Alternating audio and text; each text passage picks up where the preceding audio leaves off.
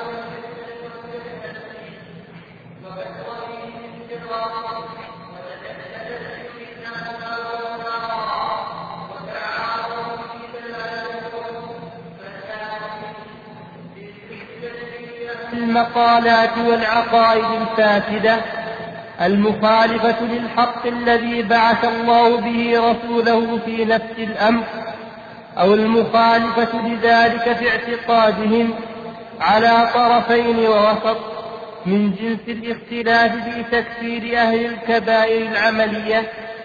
فطائفة تقول لا نكفر من أهل القبلة أحدا فتنفي التكفير نفيا عاما. مع العلم بأن في أهل القبلة المنافقين الذين فيهم من هو أكثر من اليهود والنصارى بالكتاب والسنة والإجماع وفيهم من قد يظهر بعض ذلك حتى يمكنهم وهم يتظاهرون بالشهادتين وأيضا فلا خلاف بين المسلمين أن الرجل لو أظهر إنكار الواجبات الظاهرة المتواترة والمحرمات الظاهرة المتواترة ونحو ذلك فإنه يستتاب فإن تاب وإلا قتل كافرا مرتدا. والنفاق والردة مظنتهما البدع والفجور كما ذكره الخلال في كتاب السنة بسنده إلى محمد بن سيرين أنه قال إن أسرع الناس ردة أهل الأهواء وكان يرى هذه الآية نزلت فيهم وإذا رأيت الذين يخوضون في آياتنا فأعرض عنهم حتى يخوضوا في حديث غيره.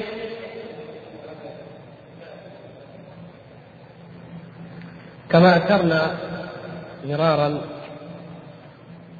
الماتن صاحب المتن الإمام أبو جعفر الطحاوي رحمه الله تعالى لم يتقيد في عقيدته الطيبة المباركة هذه بالتبويب على منهج المتأخرين أي بالتبويب المنطقي أو المنهجي فيجعل كل لكل باب من أبواب العقيدة جملا أو فقرات معينة كما هي مرقمة هنا فقرات وإنما يكتب فيما يفتح الله سبحانه وتعالى به عليه فيكتب كعادة علماء السلف في الغالب المتقدمين فيكتب في القدر ثم ينتقل إلى الصفات ثم إلى الرؤية ثم إلى النبوة مثلا ثم يرجع إلى الكلام كما لاحظتم وهكذا. فمن ذلك أنه في موضوع الإيمان. نجد أنه اولا تعرض للموضوع الإيمان بالله وملائكته وكتبه ورسله مثلا في فقرة 63 قال ونؤمن بالملائكة والنبيين والكتب المنزلة على المرسلين ونشهد أنهم على الحق المبين. يعني ذكر هناك هذه الأركان من أركان الإيمان. ثم تخللها غير ذلك من المباحث. ثم رجع ثم في أربع أربع الرابعة والستين التي شرحنا قال ونسمي أهل قبلتنا مسلمين مؤمنين. ما داموا بما جاء به النبي صلى الله عليه وسلم معترفين وله بكل ما قال مصدقين وأخبر مصدقين. ثم في 67 هذه بعد أن أدخل بينها ما يتعلق بالقرآن والجدال كما سبق نجده رحمه الله يقول ولا يكفر أحدا من أهل القبلة بذنب ما لم يستحله فهي أيضا في موضوع الإيمان والتكفير. ثم نرى نجده بعد ذلك مثلا أو الطبعات يمكن تختلف لكن أنا أجيبها بالفقرات. أنه قال الفقرة 71 والإيمان هو الإقرار وقبلها السبعين ولا يخرج العبد من الإيمان إلا بجحود ما أدخله فيه. ثم قال واحد السبعين والإيمان هو الإقرار باللسان والتصديق بالجنان إلى آخره. ثم نجد أنه بعد الخلاف الطويل إذا في ذلك يرجع فيقول ونرى الصلاة خلف كل بر وفاجر فقرة سبعة سبعين. ونرى الصلاة خلف كل بر وفاجر من أهل القبلة. وعلى أي ونرى الصلاة على من مات منهم. ثم ولا ننزل أحد منهم جنة ولا نار الفقرة الثامنة والسبعون. ثم في التاسعة والسبعين يقول ولا نشهد عليهم بكفر ولا بشرك ولا بنفاق. فكأنه رجع إلى الفقرة رقم سبعة وستين وستة بل خمسة أو أربعة وستين. فيعني هناك تداخل تداخل بين هذه الفقرات جميعا. وقلنا لكم إن الموضوع مهم جدا ونحتاج أن نلم بأطرافه جميعا ويا حبذا لو أن الشارح رحمه الله جمع أطراف الموضوع وتحدث اولا عن الإيمان ما هو وما حقيقته ثم تحدث بعد ذلك عن مذهب يعني أهل السنة والجماعة ثم الفرق المخالفة في الإيمان وصنفها لأن أهل السنة كما تعلمون لله الحمد وسط بين طرفين في هذه المسألة. ثم تحدث عن الأسماء والأحكام التي تترتب على معرفة الإيمان. يعني كون هذا مؤمنا أو نسميه فاسقا أو كافرا أو ارتد أو لم يرتد خرج من الملة أو لم يخرج هذا مبني على معرفة الإيمان. ما هو؟ على حقيقة الإيمان. فلو رتب بهذا الترتيب لكان ذلك يعني أقرب إلى الفهم وأوضح للقارئ. لكن نجد أنه أول ما بدأ رحمه الله بموضوع بعد ما قال ذكر الأنبياء الإمام بالنبيين والكتب بدأ بموضوع التسمية. ثم ثنى بموضوع عدم التكفير عدم تكفير أحد من أهل القبلة بذنب. كما سوف نستدرك عليه إن شاء الله في هذه الجملة. ولذلك قلنا رأيت أنه لا بأس اننا نمشي على نسق المؤلف نوعا ما فنبدأ بمسألة التكفير كما بدأ بها ونبين من ضل فيها ثم إذا انتقلنا إن شاء الله إلى الفقرة التي بعدها ننتقل إلى المرجئة لأن الإمام الطحاوي رحمه الله حنفي والشارح حنفي وكلاهما أيدا مذهب الحنفية المرجئة أو ما لا إليه. فنرد هنالك على المرجئة إن شاء الله بالتفصيل. لكن لا بأس أن نقدم قبل الحديث عن التكفير وعن الخوارج مقدمة موجزة عن حقيقة الإيمان عند أهل السنة والجماعة. حتى تتضح أمامنا المعالم وإن شاء الله نفصل كثيرا في هذا الموضوع فيما بعد مقدمة فقط عامة. فنقول أهل السنة والجماعة منهجهم ومذهبهم في الإيمان كما هو في أبواب العقيدة جميعا الصفات أو القدر أو أي باب أنهم يعتمدون على الكتاب والسنة على نصوص الوحي على النقل ولا يردون شيئا منها قط فيجمعون النصوص جميعا ويؤمنون بها جميعا ويعملون بها جميعا ولله الحمد. وإذا تأملنا معنى الإيمان وحقيقته عند أهل السنة والجماعة نجد أن له إطلاقين في غالب النصوص. الإطلاق الأول الإيمان بمعنى الدين بمعنى الدين. وكلمة الدين كما تعلمون تشمل شعب الإيمان جميعا. تشمل الإسلام والإيمان والإحسان. إذا نظرنا إلى حديث جبريل عليه السلام وقد سبق لنا شرحه. ولذلك قال صلى الله عليه وسلم في آخره حديث المعروف لديكم جميعا الذي رواه الإمام مسلم رحمه الله تعالى في أول صحيحه عن عمر ورواه البخاري رحمه الله مع اختلاف في بعض ألفاظه عن أبي هريرة في كتاب الإيمان أيضا من الصحيح. قال في آخره أتدري يا عمر؟ أو قال يا عمر أتدري من السائل؟ قال قلنا الله ورسوله أعلم. قال هذا جبريل أتاكم يعلمكم دينكم. دينكم. إذا كلمة الدين هنا هي المراتب الثلاثة التي سأل جبريل عنها رسول الله صلى الله عليه وسلم. أخبرني عن الإسلام أخبرني عن الإيمان أخبرني عن الإحسان. هذه الثلاثة هي ديننا الذي قال الله تبارك وتعالى فيه إن الدين عند الله الإسلام. والإيمان بهذا المعنى هو الذي جاء في قوله تعالى ومن يكفر بالإيمان فقد حبط عمله. يعني من يكفر بدين الإسلام بهذا الدين. إذا هذا هو ديننا الإسلام. دين محمد صلى الله عليه وسلم وشرعه. ما جاء في الكتاب والسنة جميعا شعب الإيمان الظاهر منها والباطن بمراتبها جميعا كلها يشملها اسم الدين. فالإيمان يأتي بمعنى الدين. هذا واضح إن شاء الله. والمعنى الآخر الإيمان يأتي بمعنى مرتبة من مراتب الدين. كما في حديث جبريل. ما الدليل على ذلك؟ الدليل على ذلك أنه غاير بين الإسلام وبين الإيمان. فإذا ذكرا إذا اجتمعا افترقا. هذه القاعدة. وإذا افترقا اجتمعا فما دام أنهما اجتمعا في نص واحد وغاير بينهما فلكل منهما مدلوله ومفهومه فالإيمان في مثل هذه النصوص كما في حديث جبريل عليه السلام الإيمان مرتبة أعلى من الإسلام. ولماذا يختص؟ على ماذا يطلق الإيمان؟ لو تأملنا هذه الأحاديث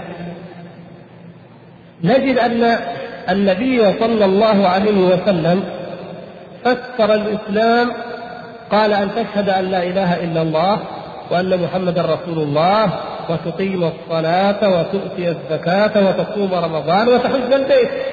وهذه أعمال لماذا تعمل؟ الجوارح أعمال ظاهرة. هذه أعمال ظاهرة.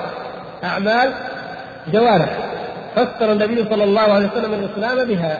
فلما فسر الإيمان قال أخبرني عن الإيمان أو قال ما الإيمان؟ قال أن تؤمن بالله وملائكته وكتبه ورسله واليوم الآخر وبالقدر خيره وشره. ففسر الإيمان بماذا؟ بأعمال باطنة أعمال اعتقادية قلبية. فإذا إذا ذكرا يفترقان بأن الإيمان هو الأعمال الباطنة والإسلام يطلق على الأعمال الظاهرة. فالأعمال الظاهرة هي التي تضمنتها الفقرة الرابعة والستون. ونسمي أهل قبلتنا مسلمين مؤمنين. هنا أشرنا إلى ذلك. أنه قال مؤمنين لأنه يرى الإيمان والإسلام مترادف واحد لكن نحن لا فنعترض عليه فيما بعد المهم أنه نراهم مسلمين. لماذا؟ فسرناها كما تذكرون بحديث أنس وحديث ابن عمر. تذكرون هذا؟ أما حديث أنس فهو أن النبي صلى الله عليه وسلم قال من صلى صلاتنا واستقبل قبلتنا وأكل ذبيحتنا فهو المسلم له ما لنا وعليه ما علينا. وهذه أعمال ظاهرة. وأما حديث ابن عمر فهو ماذا؟ أمرت أن أقاتل الناس حتى نفس الشيء أعمال ظاهرة. أشهد أن لا إله إلا الله وأن محمدا رسول الله ويقيم الصلاة ويؤتي الزكاة. إذا هذا هو الإسلام. فيثبت للإنسان حكم الإسلام إذا أتى بهذه الأعمال الظاهرة. ويكون مسلما. لكن متى يكون مؤمنا؟ درجة أعلى الإيمان درجة أعلى. أوليس الإحسان أعلى درجة من الإيمان؟ معروف. أن تعبد الله كأنك تراه. فكذلك الإيمان أعلى درجة من الإسلام. وقد نص أو جاء ذلك صريحا في كتاب الله سبحانه وتعالى. في أي آية؟ الله يفتح عليه قالت الأعراب آمنا. الأعراب. أعراب حديث عهد بالإسلام. دخلوا فجاءوا يقولون آمنا. كأنهم يقولون نحن مثل السابقين مثل أبي بكر مثل عمر. دعوة. آمنا. فالله سبحانه وتعالى لم يقرهم على ذلك ولم ينف عنهم الإسلام بل لم ينف عنهم قرب واحتمال دخول الإيمان. قالت الأعراب آمنا قل لم تؤمنوا ولكن قولوا أسلمنا ولما يدخل الإيمان في قلوبكم لما يدخل. في اللغة العربية كما تعلمون إذا قلت لم يدخل محمد البيت مثلا لم يدخل معنى ذلك إيش؟ نفي هل يفهم منه أنه سيدخل أو لا يدخل فيما بعد؟ لا يدل غاية ما يدل عليه أنه لم يقع الفعل أن الفعل لم يقع فإذا قلت لما يدخل لما يأتي ما معناها؟ قريب. قرب ولكن لم يقع. انه متوقع. ووارد لكن لم يقع. اذا الشاهد هو أن هناك مرتبتين. اسم المدح يطلق على المؤمن. المدح يمدح الإنسان بأنه مؤمن. هل يمدح بأنه مجرد أنه مسلم؟ نعم المسلم من أسماء المدح بالنسبة للكفار. لكن داخل أهل القبلة ما تمدح تقول هذا الأخ هذا مسلم. معروف مسلم. لكن لو قلت هذا مؤمن هذا شاب مؤمن هذا درجة أعلى وهو اسم مدح. معنى ذلك أنه لم أنه بعيد عن الكبائر لا يجاهر بكبائر أنك تشهد له شهادة بالإيمان. مثلا أو تصفه بذلك. ومن هنا هذه قاعدة. قاعدة تكتبونها إن شاء الله ولا تنسوها. علق دخول الجنة في القرآن دائما. الوصف الذي علق عليه دخول الجنة في القرآن والفوز برضا الله والمدح هو وصف الإيمان. هذا وصف ماذا؟ الإيمان. أي صورة؟ تأخذها. والعصر. إن الإنسان لفي خسر إلا الذين آمنوا وعملوا الصالحات وتواصوا بالحق وتواصوا ثم رددناه أسفل سافلين مثلا سورة التين. إلا الذين آمنوا وعملوا الصالحات فلهم أجر غير وهكذا إنما المؤمنون الذين آمنوا بالله ورسوله. ثم لم يرتابوا وجاهدوا في سبيل الله. إنما المؤمنون الذين إذا ذكر الله وجلت قلوبهم وإذا تليت عليهم آياته زادتهم إيمانا وهذه آيات كثيرة فلم يأتي. كما جاء في الحديث الصحيح إنه لن يدخل الجنة إلا نفس مؤمنة.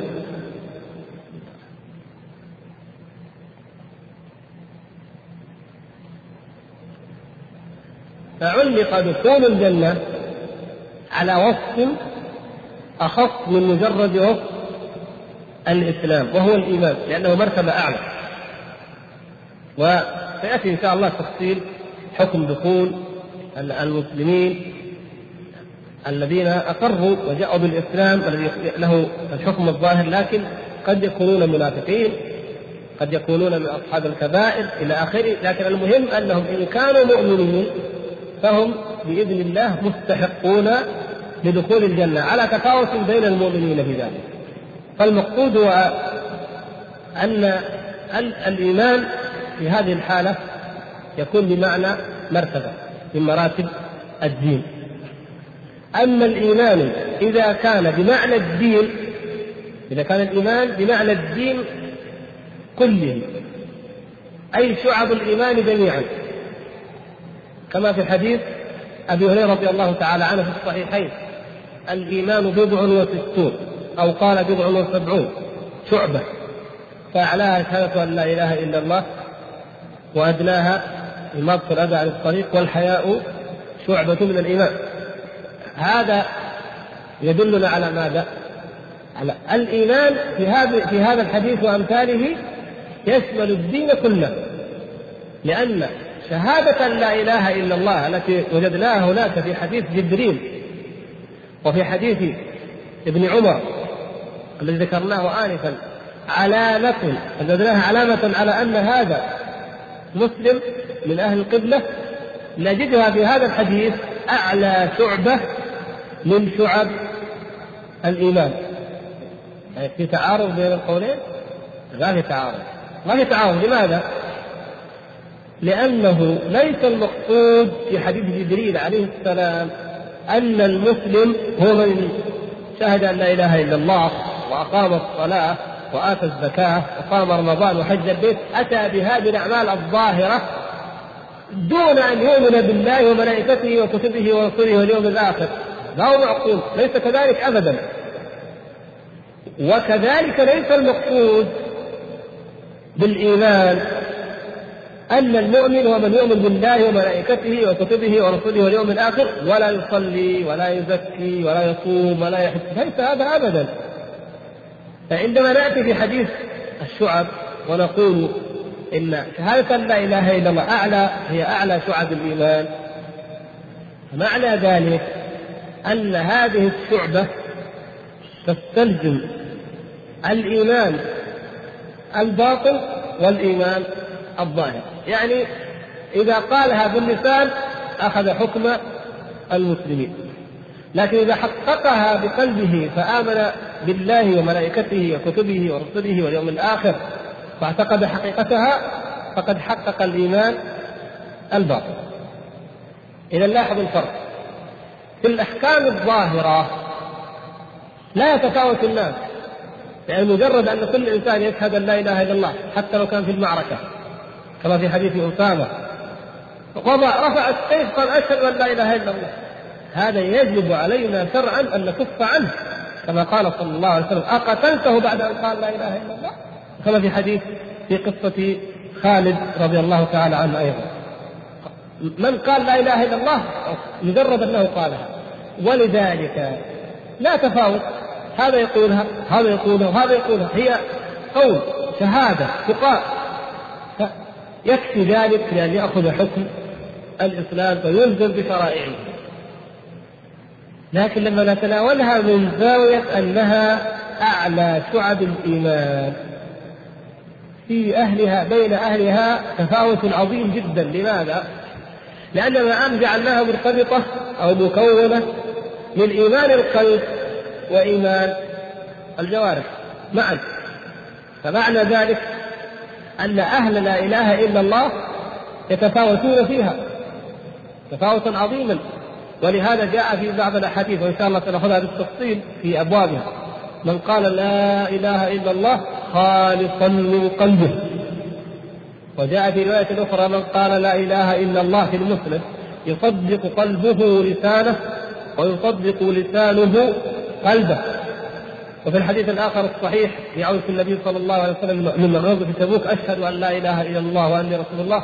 من قالها أو من شهدها غير شاك يعني كان موقنا بها. اذا هذه لا إله إلا الله هذه التي يكون فيها اليقين يكون فيها الإخلاص يكون فيها الصدق. هذه أعمال قلبية كما ترون إخلاص ويقين وصدق أعمال قلبية. هذه علق بها دخول الجنة وليس مجرد إجراء الأحكام. الأحكام نجريها على كل من أظهر. لاحظتم كيف؟ ولذلك لا تفاوت بين الناس. كلهم لو جاءنا كبير من كبار المنافقين لكن مظهر للشهاده ويجلس يصلي معنا وجعل من أفاضل وخيار الناس. نظهر لهما يعني في الأحكام الظاهرة نعاملهما سواء من حيث التقاضي من حيث الحقوق. هذا له حق الإسلام وهذا له حق الإسلام وهكذا في الأحكام الظاهرة. وإن كنا في المودة ولا شك أن من نعلم المال نودة أكثر لكن القصد من حيث إجراء الأحكام يأخذون حكما واحدا. لكن في الواقع ونفس الأمر عند الله سبحانه وتعالى عندما يكون الأمر يتعلق بثواب الله وجزائه في الجنة لا. فرق كبير بين من يقول لا إله إلا الله وبين من يقولها خالصا موقنا غير شاك. يصدق قلبه ولسانه ويصدق لسانه قلبه. هذا درجة عليا عظيمة. ولهذا صاحب البطاقة من هو صاحب البطاقة؟ أيوه. نعم صاحب البطاقة سبحان الله. شهادة لا إله إلا الله. توضع في كفة وتسعة وتسعين سجل من الذنوب والمعاصي كفة ترجح بها لا إله إلا الله. هل ترجح بها كلمة؟ مجرد كلمة؟ لو أن كل ك... لو أنها مجرد كلمة لكان كل قائل لا إله إلا الله يفعل ما شاء من الذنوب والكفة. راجحه راجحه قطعا. لا ليس هذا. هذا قالها قالها بإخلاص وقالها بصدق. لكن العجب منه. عجيب هذا رجل عجيب جدا. ما هو حاله؟ عادية. ما هو حالة عادية في الناس. حالة عجيبة جدا. أن تشهد أن لا إله إلا الله بيقين وبصدق وبإخلاص. ومع ذلك تأتي بهذه الموبقات بتسعة وتسعين سجلا من الموبقات. هذا عجيب. ما هو عادي. ولهذا خصه رسول الله صلى الله عليه وسلم بالذكر. لأنه حالة غريبة. ولهذا الإنسان يعجب عندما يقرأ الحديث.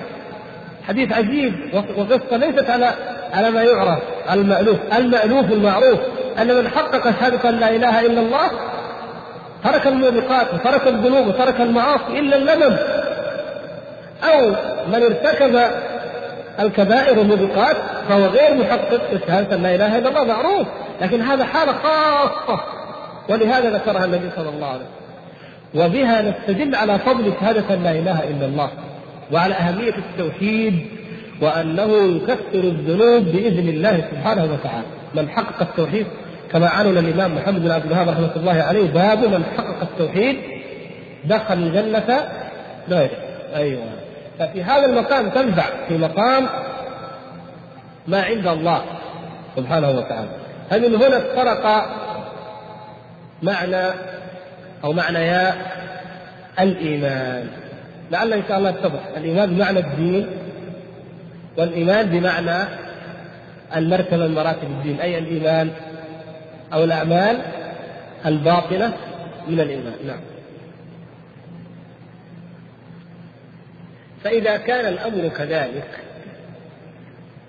فلنأخذ الآن ويكون كل كلامنا في الإيمان بمعنى الدين. خلاص ما أحد يشوش عليه المعنى الآخر الآن. نحن الآن سنتكلم بالإيمان بمعنى الدين. فنقول بما عرف أهل السنة والجماعة الإيمان هذا؟ هل لهم تعريف؟ هل لهم رأي؟ هل لهم أقوال؟ ماذا قالوا فيه؟ وهل بينهم خلاف؟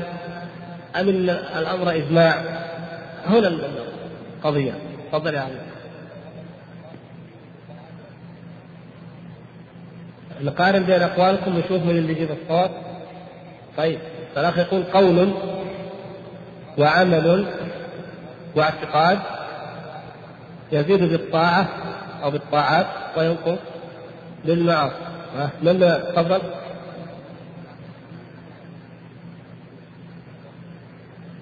لا قلنا خلاص نستبعد هذا يا شيخ. خلنا في الإيمان الذي هو الدين. ما تعريفه عند أهل السنة. نفس تعريف. أيوه. الشيخ يقول إيش؟ قول وعمل ونية. نعم. ويزيد بالطاعة طبعا ما فيها نقاش وينقص في المعصية. طيب ما يا عبد الله. أيوه. قول باللسان واعتقاد بالجنان وعمل بالأركان. هذا قول. نعم. تفضل.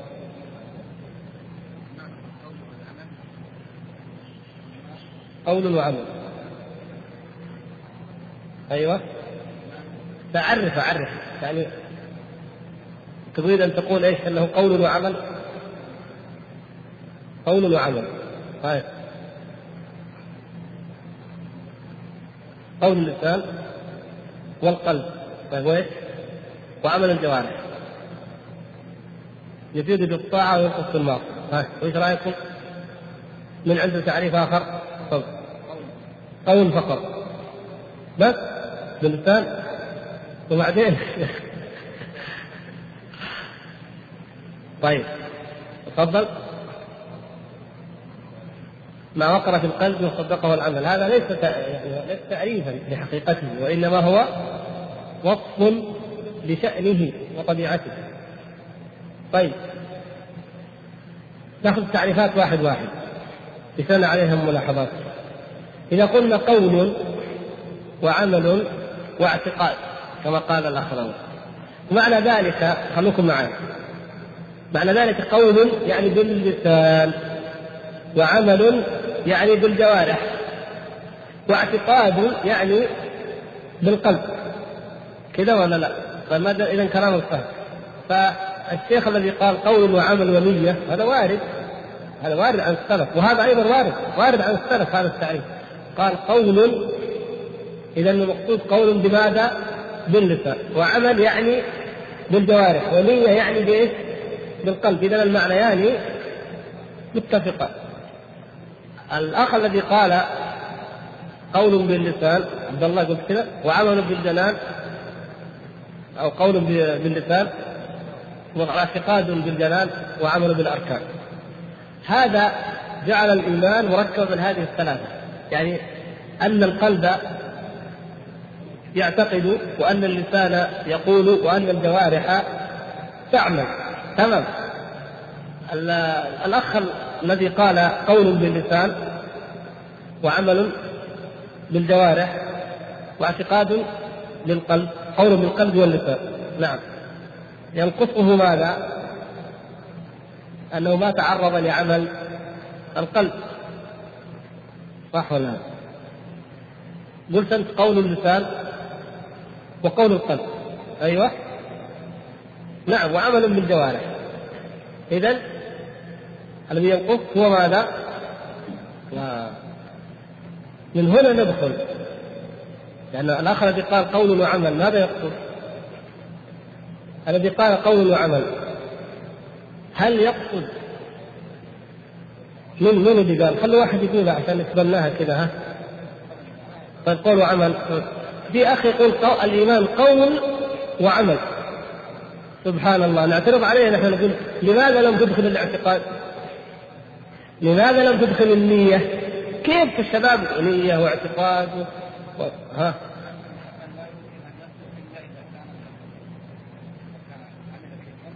يعني عمل قلب. ها؟ أيوه. عمل بالجوارح وعمل بالقلب وقول باللسان برزاق قول القلب. أيوه. قول القلب وعمل القلب أيوه. وقول اللسان وعمل الجوارح. فهو اللسان تمام. آه. اذا لما نجي نقرأ عندنا مثلا كتاب الإيمان للإمام أحمد رحمه الله موجود ضمن جامع الخلال. نقرأ الإمام أحمد يقول إن السلف يذكر اسماءهم بحيث يذكرهم بالجملة إن السلف قالوا إن الدين قول وعمل. اقرأ عقيدة الإمام أحمد في اللالكائي مثلا. أو في السنة لعبد الله بن الإمام أحمد أو في أي كتاب. اقرأ من كتب في عقيدة أهل السنة والجماعة. غير الكلام نقرأ في كتاب الآجري.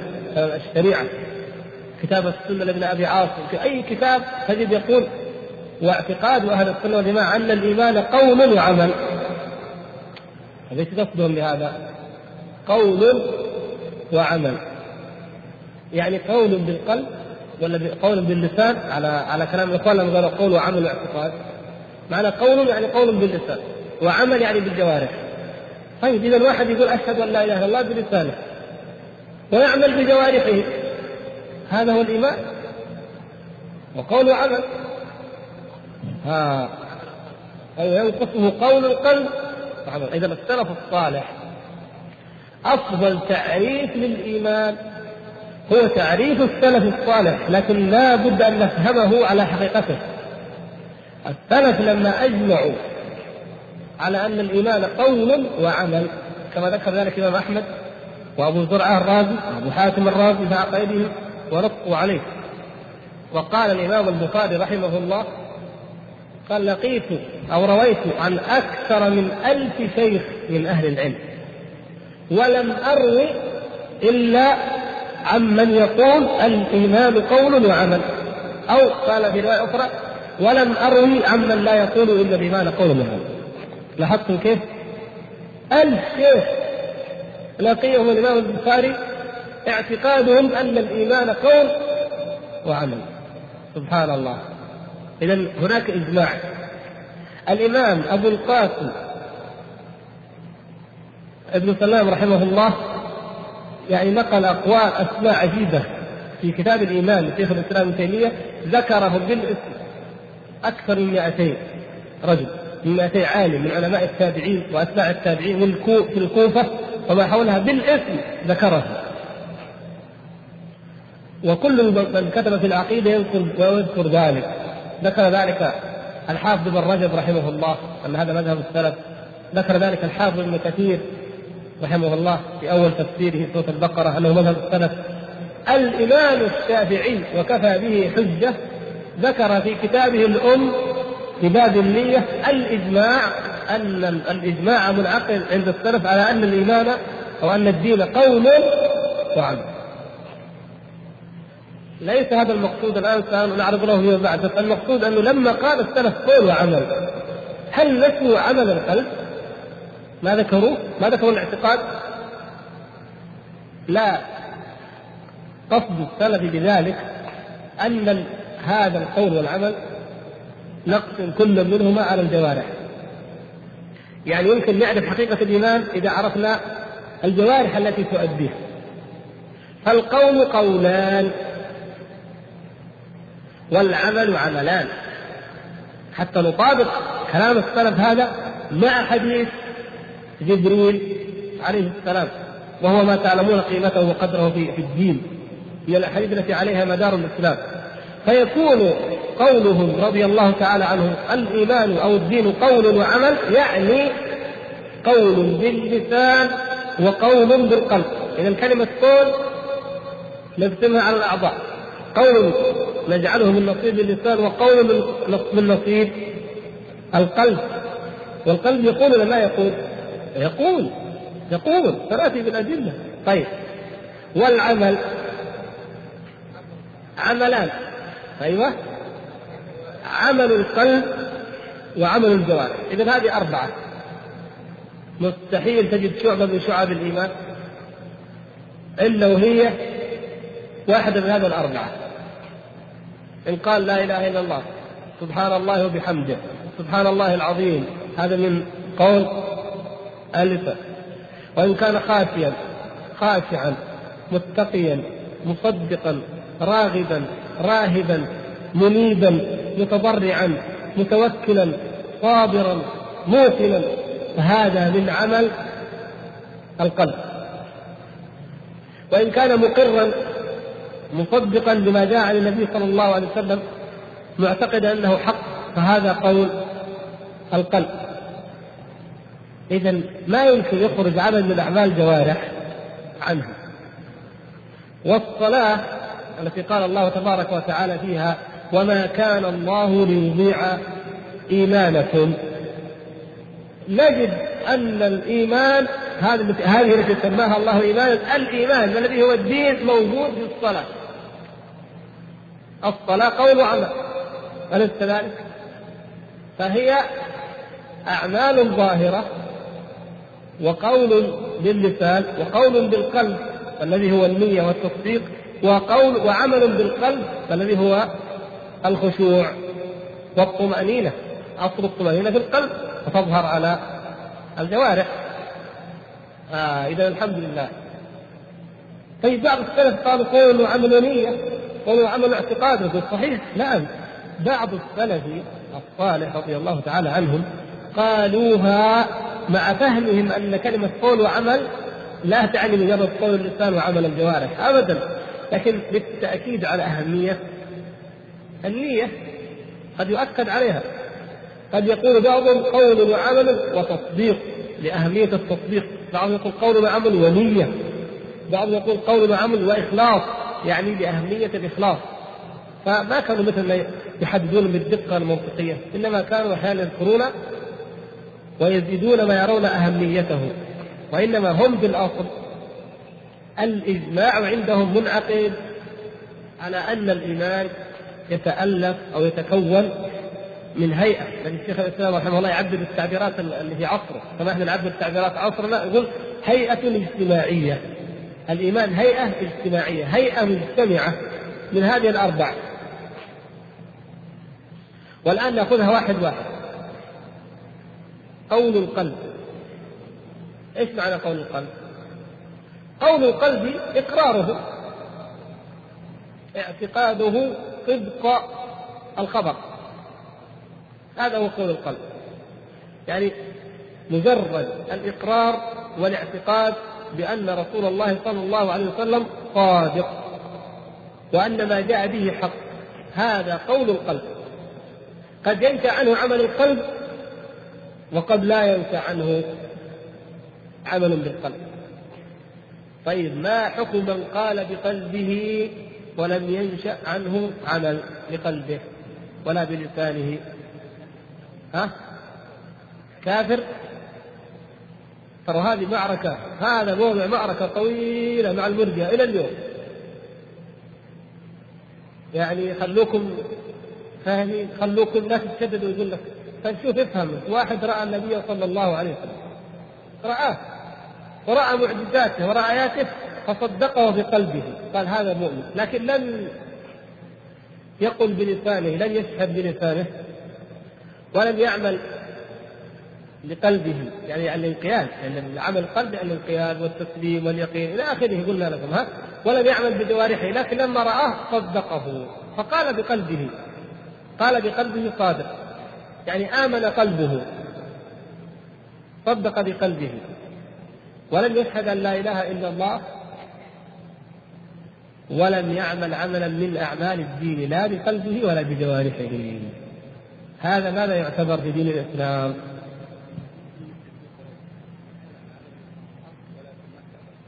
أيوة أحسنت. كيف كافر. خلاص ما في. كلكم متشددين وما ما نبغى نقول كلام ثاني. يعني كافر. سبحان الله. هذه معركة المرجئة يقولون هذا عاصي مجرد عاصي ويدخل الجنة. ما هذا كلام؟ كلام كثير منهم. ما هو واحد ولا اثنين ولا ولا عالم ولا عالم. كثير يقول لك لا هذا عاصي. يدخل الجنة لإيمانه ولإقراره. ولكنه عاصي يعاقب لأنه لم ينطق ولم يقر عجيب. كيف هذا الكلام؟ قالوا هذا لأن الإيمان عندهم هو التصديق فقط وهذا صدق صدق أعتقد أنه صادق. فإذا كيف ما يكون مؤمن؟ فخلاص فانتهى الأمر عندهم. هذه معركة كبيرة موضع نزاع كبير طويل جدا. وأكثر أو المخالفون فيه في هذا الباب هم الجهمية أول الجهم. ثم الأشعرية الذين اتبعوا جهم أما جهم فلم يقل التصديق. جهم يقول المعرفة. من عرف الله بقلبه أنه حق مؤمن كامل الإيمان ويدخل الجنة. جو الأشاعرة قالوا لا ما نقول كما قال أبو المعالي في الإرشاد قال لا. نقول أبو المعالي أخي على طريق الحق هنا منتصف الشريف. وهذا صدق فإذا قد جاء بالإيمان. ولكونه لم يقر بالشهادتين يعد عاصيا وهكذا نص الغزالي في الإحياء. هذا عاصي لأنه ما ما جاء بالشهادتين. إذا يحتاج أهل السنة والجماعة إلى أدلة يثبتون بها أن الإقرار بالقلب لا يدخل صاحبه في الإيمان. وأنه لم يزل على كفره كما رأينا الشباب أجمعوا على ذلك. فنرى هل هذا الإجماع له حقيقة يستند إلى أدلة وإلا مجرد ها؟ طبعا.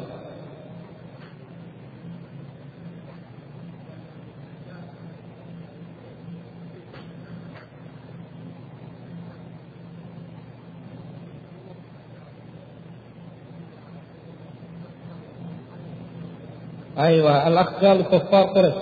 الأخ قال أبو جهل. فقد لو قال كنا وبني كفر سيرها. يعني سقوا وسقينا وأطعموا وأطعمنا. كل ما عملوا شيء من بطولات الجاهلية ومفاخرها ومآثرها سوينا زيه قالوا مما نبي؟ يعني زين نجيب جبريل ثاني ونحط نبي ما نقدر. فلذلك لا يؤمن. نعم. هذا هذا سبب. من يجرؤ منكم هذا؟ الشيخ قال صحيح كفار قريش كانوا مصدقين كانوا يقولون في قلوبهم فعلا يقولون بقلوبهم يعني مصدقين مقرين بقلوبهم بأن محمد صلى الله عليه وسلم صادق وانه نبي على الحق معقول هذا؟ صحيح؟ هل عندكم دليل عليه؟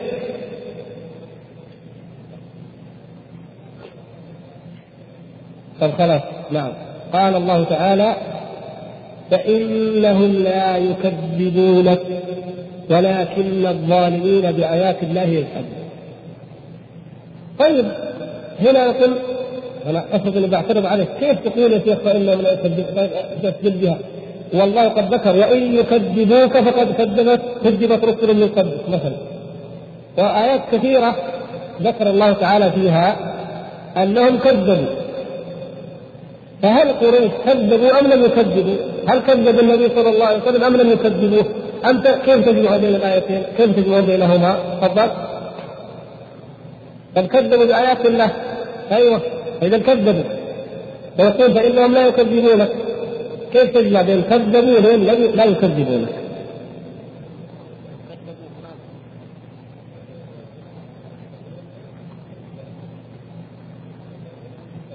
يعني يا بأس نريد تعبير يكون أدق قبل الكلام.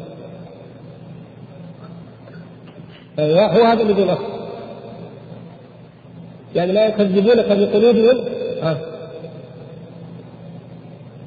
هذه هذه آية أخرى خلنا معنا الآن في كفار أيوه.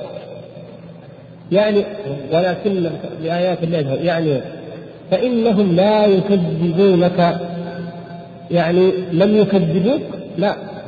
فإنهم لا يكذبونك لا يعتقدون كذبك فإنهم لا يكذبونك أي لا يعتقدون كذبك لكن في الواقع كذبوا في الواقع كذبوه. قالوا كذاب إنما أنت مفتر. قالوا يعلمه بشر. قالوا لا قالوا أساطير الأولين اكتتبها كذبوه في الواقع. لكن فإنهم لا يكذبونك أي لا يعتقدون كذبك. طيب الكذب حاصل. تفضل أيوه هذا مثال آخر. الله يفتح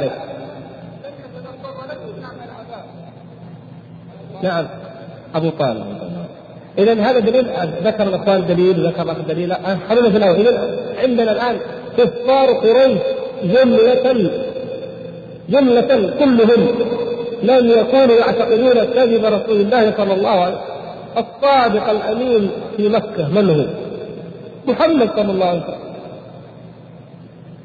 يكذبونه في الندوات في اجتماع الندوة في دار الندوة في المجامع في المواسم. يكذب كذاب يكذب مفتري ناس صدقوه وإذا كان عند الواحد كمية من الذهب يروح يعطيها سيد قريش الوليد. سيد قريش الحكم بن هشام لما يكون الأمر يتعلق بدنياه بحقه ويبغى يحفظ المال يروح يعطيه من؟ الصادق الأمين محمد صلى الله عليه وسلم. سبحان الله اللهم صل تأمنه على الدرهم والدينار وتكذبه في خبر السماء. هكذا. فإنهم لا يكذبون يعلمون صدقهم صلى الله عليه وسلم. لكن ولكن الظالمين بآيات الله يجحدون الجحود له أسباب ذكر بعضها. أبو جهل.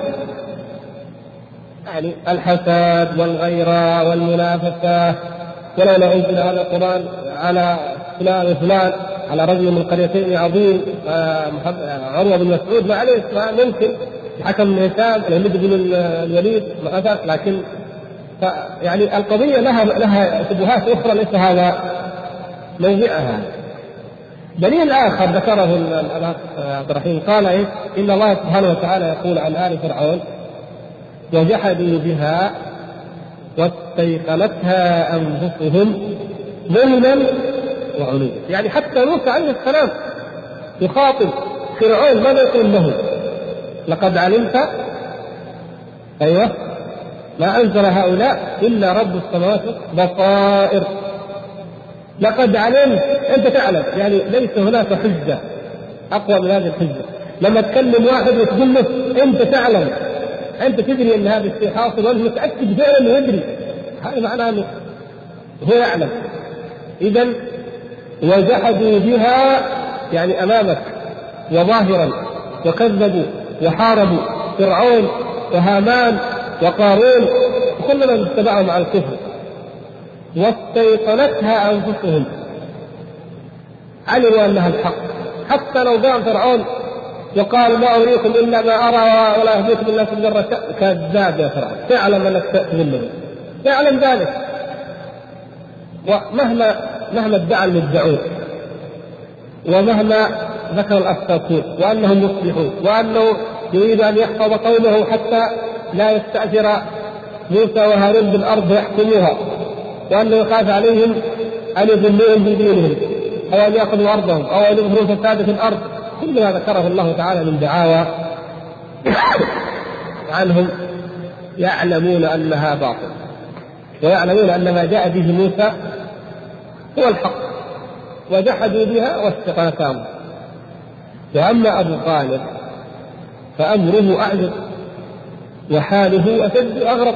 أبو طالب أبو طالب عنده شك مثقال ذرة في أن محمدا صلى الله عليه وسلم صادق.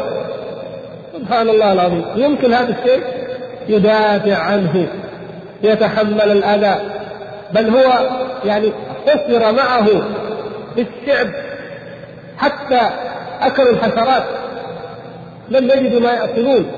كما قال سعد رضي الله تعالى حتى كان احدنا يضع كما تضع الشاه. ما يجدون شيء يأكلونه. وهو معهم يتحمل كل شيء. ومع ذلك يقف مع واحد كذاب هذا الموقف ابدا.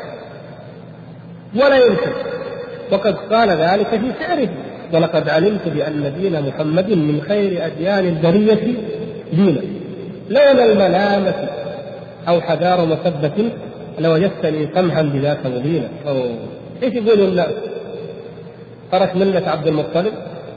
صلى الله عليه وسلم هذه هي ملة عبد المطلب. الآباء والأجداد. ولذلك إنك لا تهدي من أحببت ولكن الله يهدي من سبحانه وتعالى. هذا هو ما هو؟ مهما حاول الإنسان يعرف الحق ويحميه وينصره ويدافع عنه لكن لم يكتب الله له الهداية فلم يهتدي فهذا الرجل أبو طالب هل يعد مسلما باي وجه من وجوه الإسلام؟ لا يعد. اذا يا مرجئه ماذا تقولون؟ بعد هذه الأدلة اذا الشباب لا هو متشدد ولا متطرف ولا شيء كلام صحيح. هذا كلام الله وهذا كلام رسوله صلى الله عليه وسلم. الأدلة واضحة لأننا عندما قلنا ذلك اتباعا لسلفنا الصالح فهذا مذهب السلف. أنهم أخذوا من كتاب الله ومن سنة رسول الله صلى الله عليه وسلم الدليل على أن قول القلب يعني إقراره وتصديقه اعتقاده صدق الرسول صلى الله عليه وسلم لا يكفي للحكم لصاحبه بالإيمان لا في الدنيا ولا في الآخرة حتى في الدنيا لاحظتم حتى في الدنيا فرعون مات كافر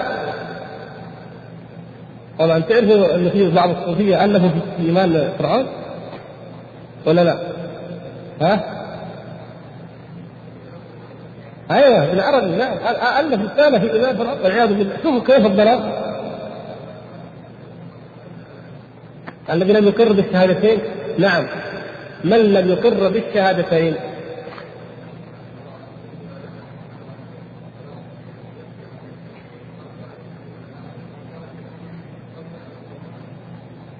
نعم.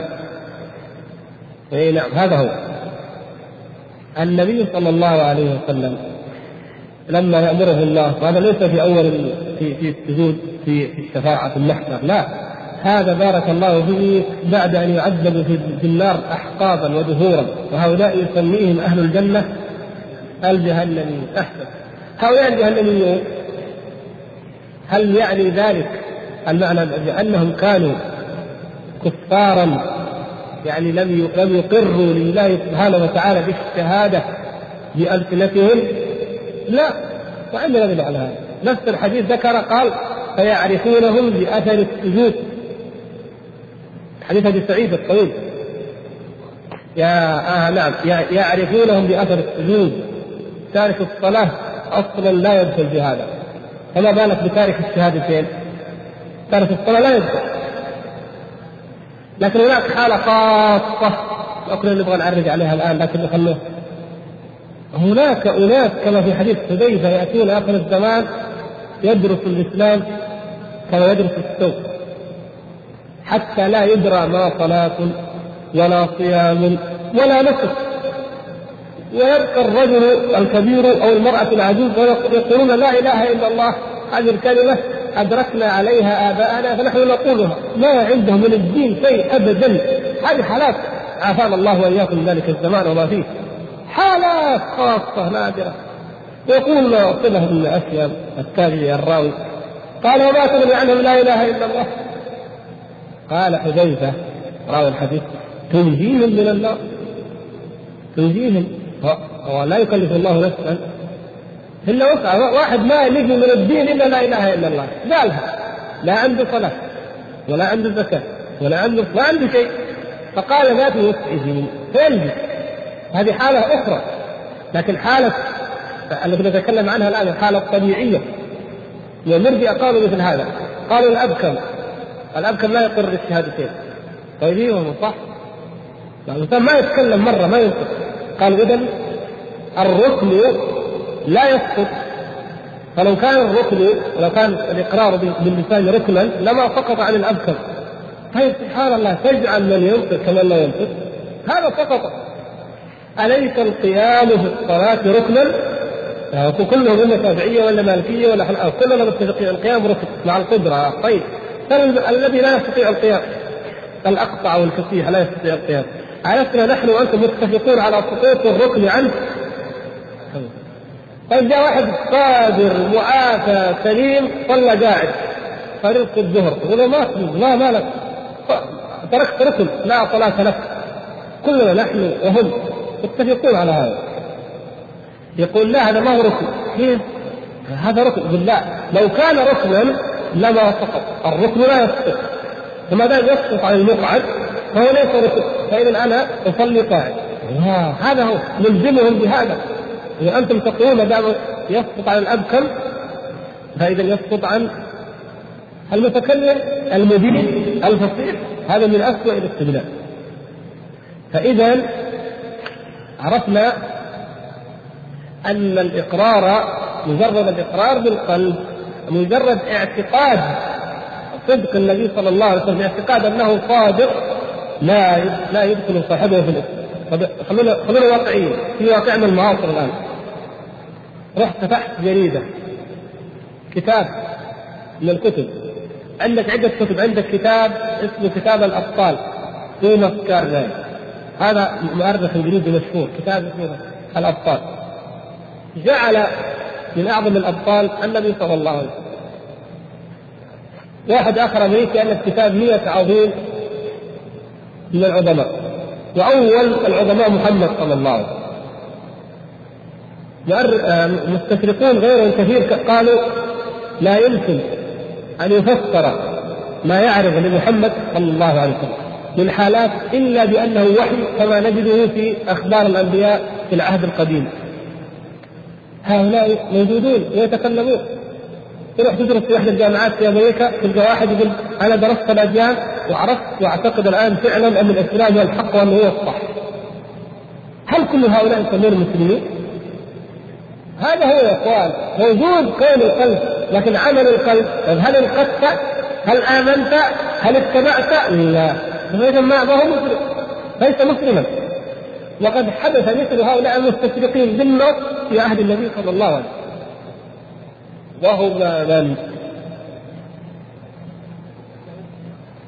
أيوه أحسنت. اليهود عامة وخاصة الحبران.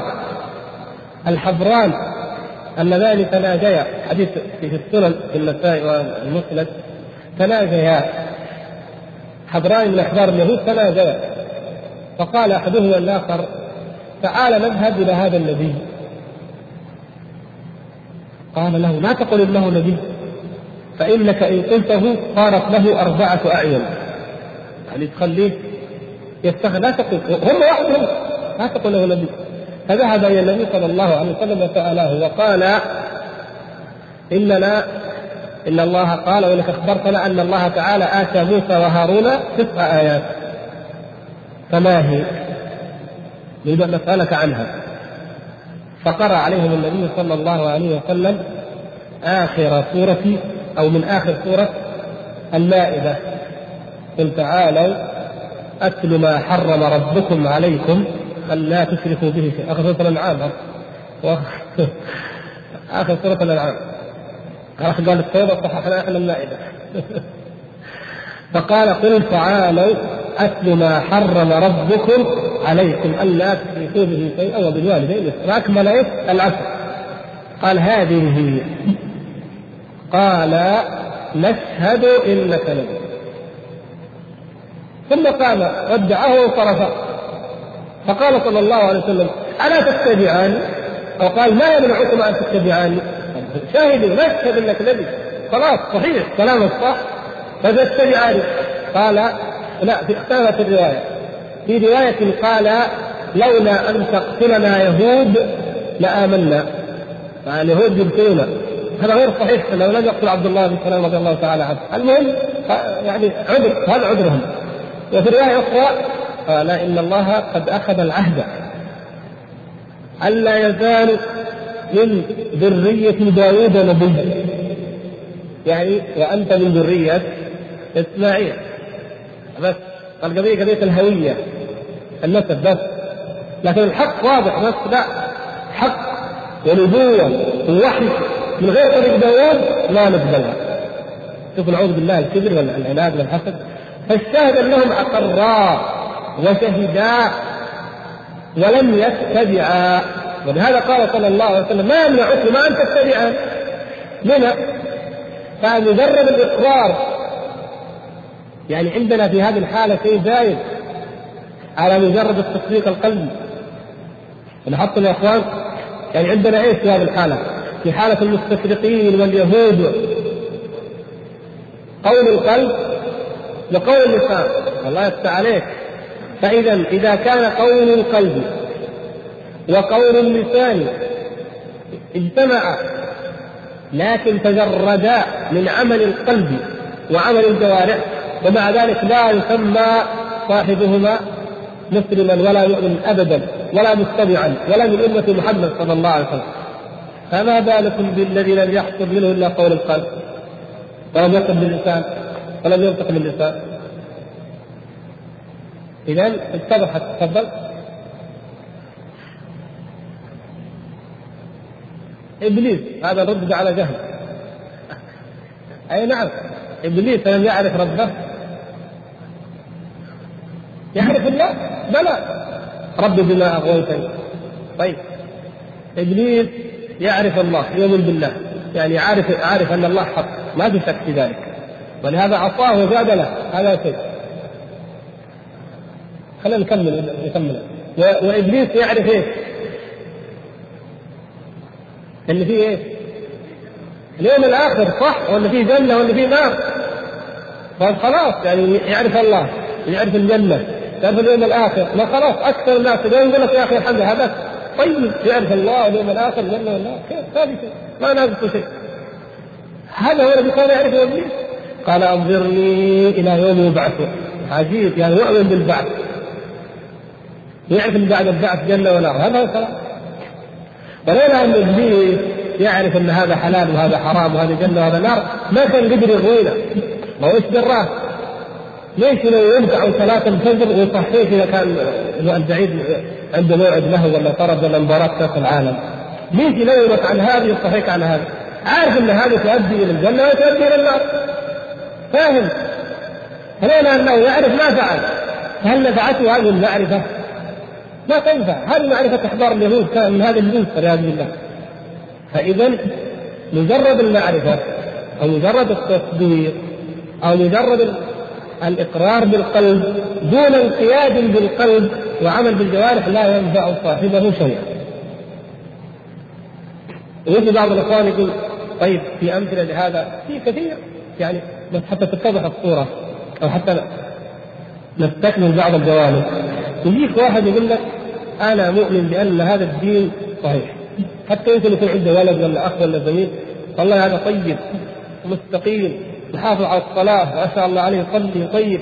هو ذاك لا يصلي ولا يصوم ولا يؤمن ولا يعمل أي عمل من أعمال الإيمان. ولا ولا يجد نفسه ملتزما أو ملزما باتباع هذا النبي صلى الله عليه وسلم. لكن يحب هذاك أو يشهد له انه طيب وصادق. وأنا فعلا وأنا أنا عارف إن هذا هو الصح. ينفعه ذلك أيضا؟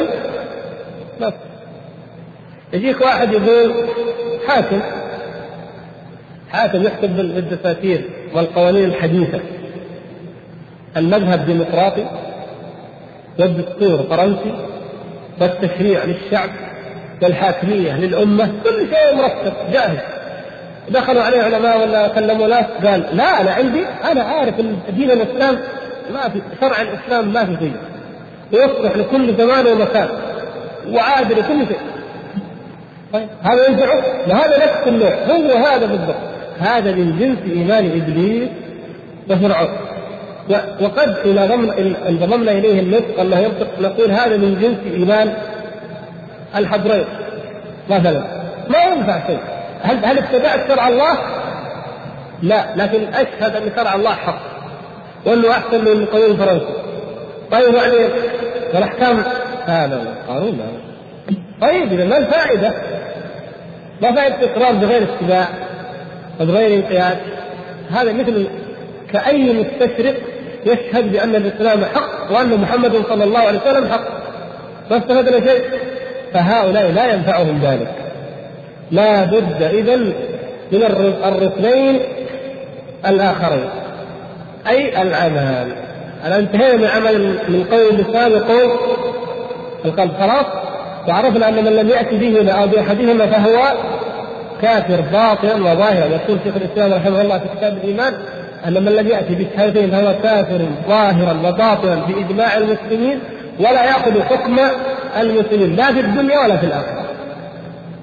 باطلا وظاهرا لا في الدنيا ولا في الآخرة. هذا ليس مسلما ولا مؤمنا. نرجع إلى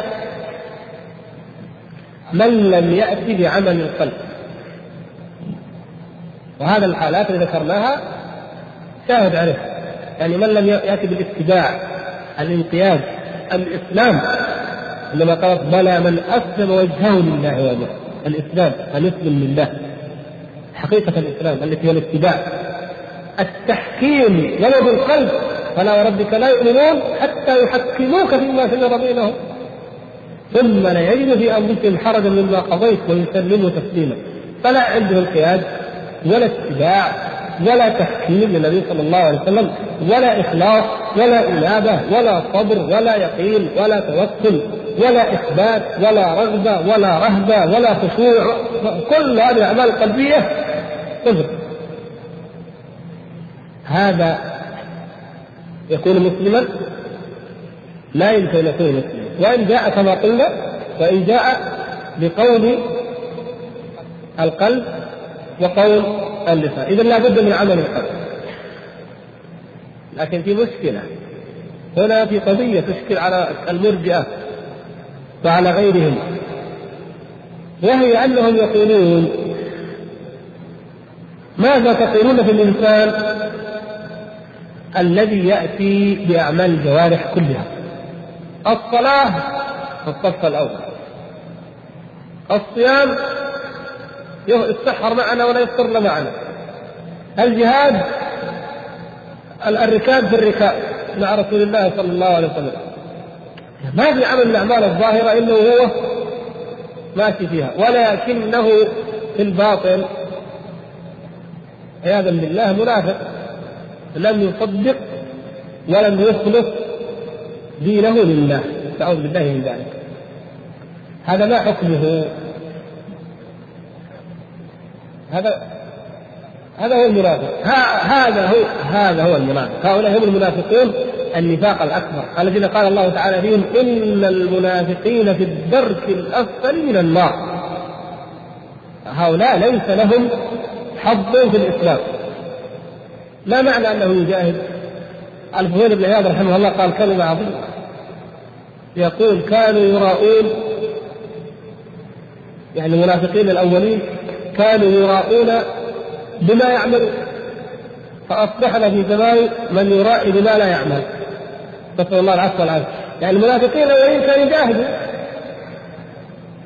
ويحجوا ويصلوا ويصوموا ويتصدقوا لكن لا تقبل. وما منعهم ان تقبل منهم نفقاتهم إلا أنهم كفروا بالله. ما لا يقول لا صدقة ولا لا صدقه المهم كانوا يفعلونها يفعلونها يؤدونها. ولكن جاء زمن يراؤون بما لا يفعلون. جاهدنا وتمسكنا وصلينا وتعبنا ودعونا وصبرنا وهم لم يفعلوا. والعياذ بالله. انظروا انظروا كيف حتى النفاق في المتأخرين أشد منه في المتقدمين نسأل الله العفو والعافية فيأتي من لم يؤمن بالله ولم يصدق برسول الله صلى الله عليه وسلم ومع ذلك يقول دافعنا عن الدين وفعلنا وفعلنا وما أكثر هؤلاء عياذا بالله سواء من كان منهم على النفاق الأكبر الجلي أو من كان فيه عياذا بالله أيضا من هو ما دون ذلك فكله نفاق عافانا الله وإياكم منه. آه نرجع لموضوعنا. هذه الحالة توجد في الواقع، يوجد في الواقع من يلتزم بالأحكام الظاهرة وهو في الباطن غير مؤمن. تمام؟ وهؤلاء المنافقين حكمهم واضح. المرجئة قالوا طيب فما يدريكم أنه يوجد من يكون لديه الأعمال الباطنه في القلب كلها ولم ياتي بالأعمال الظاهرة ليش؟ قالوا مو زي هذا يعني أنتم متفقين معنا أنه يمكن توجد الأعمال الظاهرة من غير الأعمال الباطنه صح؟ قالوا فاذا إيش المانع أن توجد الأعمال الباطنه ولا توجد الأعمال الظاهرة إذا يكون هذا رجل طيب مخبت منيب خاشع متقي موقن من أهل الدرجات العلى واهل المقامات ولكن لا يصلي ولا يزكي ولا يحج أما القلب كله عباده آه نقول لهم القياس صحيح ولا فاسد؟ فاسد تماما قطعا لماذا؟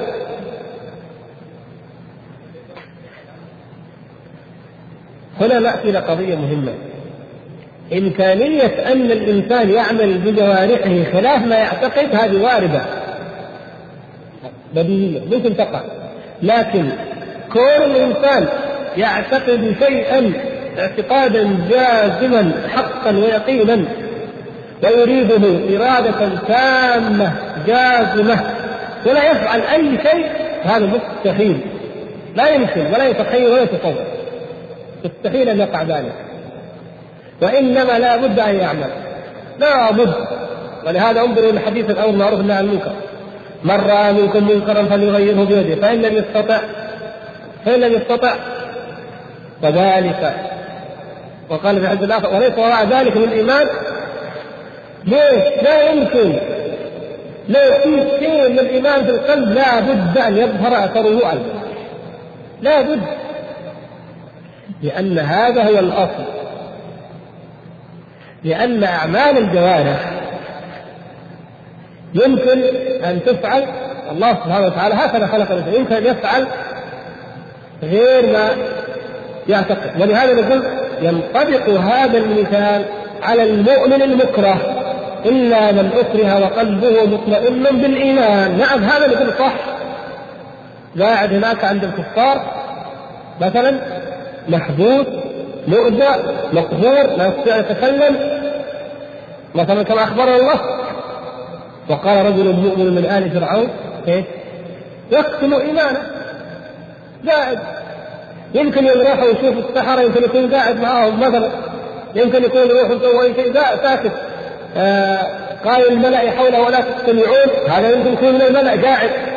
برضه يقتل إيمانك نعم. هذا هو الذي ينطبق عليه الحال حالة استثنائية حالة خاصة. أن الإنسان يقتل بإرادته وباختياره يقتل فلا تظهر منه ما يظهر منه ما يدل على إيمانه. لكن الإيمان حقيقة موجود هذا الذي ينطبق عليه. أما قولكم أنه ما دام يمكن أن يأتي العمل الظاهر من غير الباطن فكذلك يأتي الباطن من غير الظاهر لا يمكن ذلك أبدا. لا يمكن. بل لا بد ولو أن يظهر الغضب ولو أن يظهر التأثر ونحن كيف نستدل على ما في قلوب الناس؟ نعرف ما في قلوب الناس؟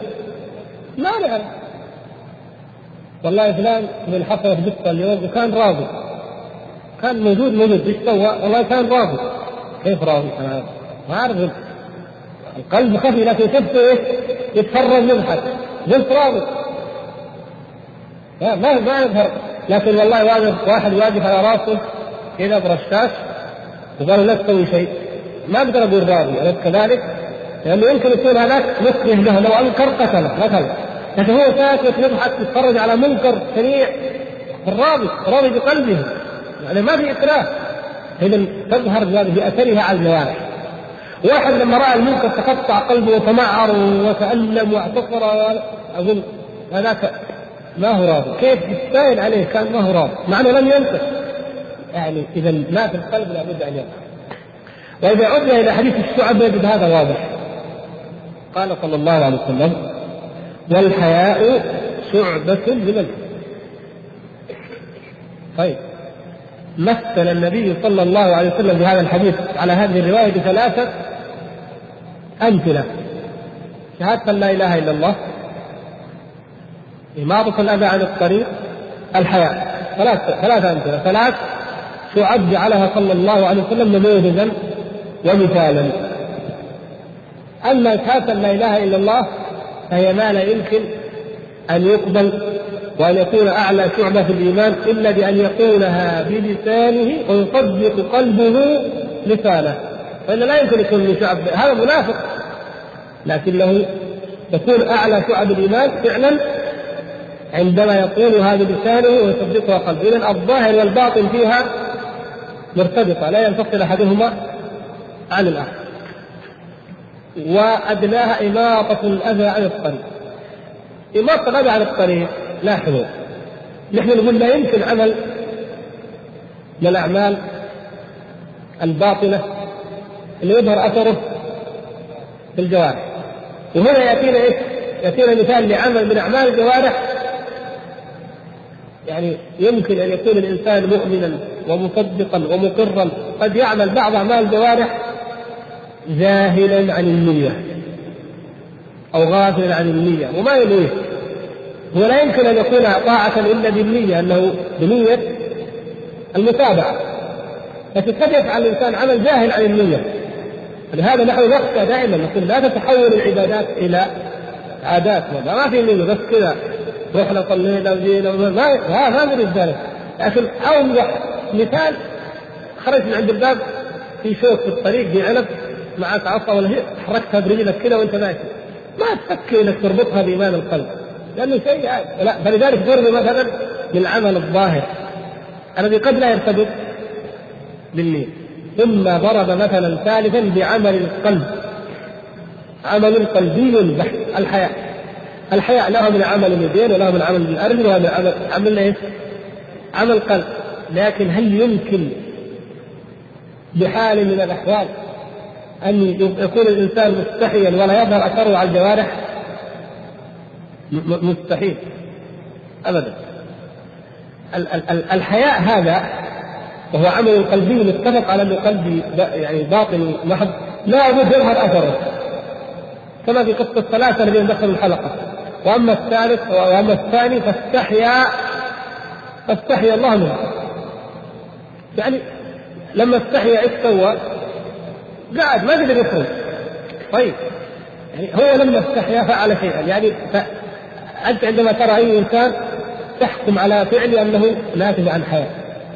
فهذا عمل القلب لابد أن يظهر هذا عمل قلبي ولا بد أن يظهر له أثره على الجوارح فهذا المثال الذي ذكره النبي صلى الله عليه وسلم وبذلك تعلمون سرا أو حكمة من اختيار النبي صلى الله عليه وسلم لهذه الأمثلة. ونعود عودا على بدء فنقول إن مذهب أهل السنة والجماعة الإجماع على أن الإيمان أو الدين قول وعمل فيكون على أربعة أقسام قول القلب وقول اللسان وعمل القلب وعمل الجوارح. ونحن إن شاء الله في الأسبوع القادم والذي بعده سنتحدث عن أعمال أو عن الذي يأتي بعمل الجوارح مع أن عنده الثلاثة. وكيف ما حكم الذي يترك عمل الجوارح بالكلية أو من ترك بعضها الذي هو مرتكب الكبيره يعني من ترك واجبا أو فعل محرما. وندخل إن شاء الله في موضوع الخوارج وخلافهم لأهل السنة وعليه ينبني معرفتنا متى يكفر ومتى لا يكفر.